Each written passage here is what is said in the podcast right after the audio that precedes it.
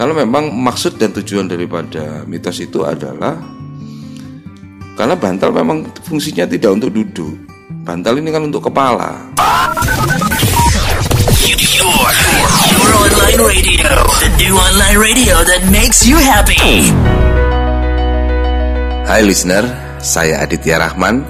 Di podcast ini saya akan berbagi kisah, pengalaman, dan opini bersama sebungkus kretek dan secangkir kopi.